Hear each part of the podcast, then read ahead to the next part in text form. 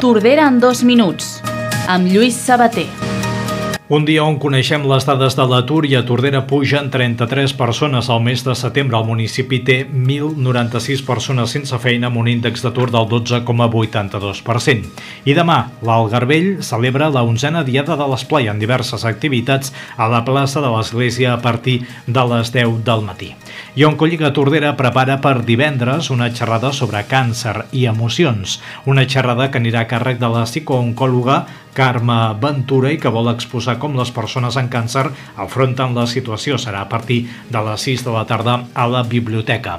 L'Associació de Famílies Especials de Tordera organitza un acte d'inauguració aquest dissabte a la pista de l'Amistat amb diverses activitats tal i com enumera la membre de la FET, Jessica González.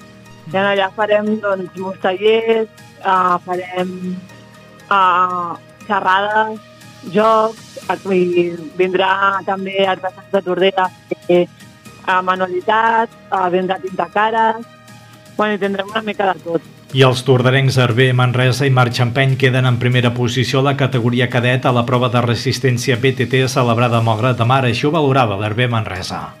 Va ser una cursa que va estar molt igualada durant tota l'estona.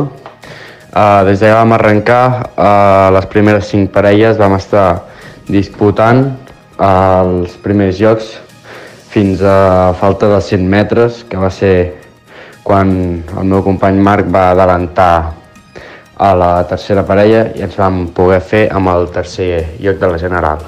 I el Club Patí Tordera cau a les semifinals de la Copa Catalana Plata contra el Palafrugell després de derrotar l'equip tordarenc. Els del Baix Empordà van proclamar-se campions al guanyar la final contra l'anfitrió, el Vic.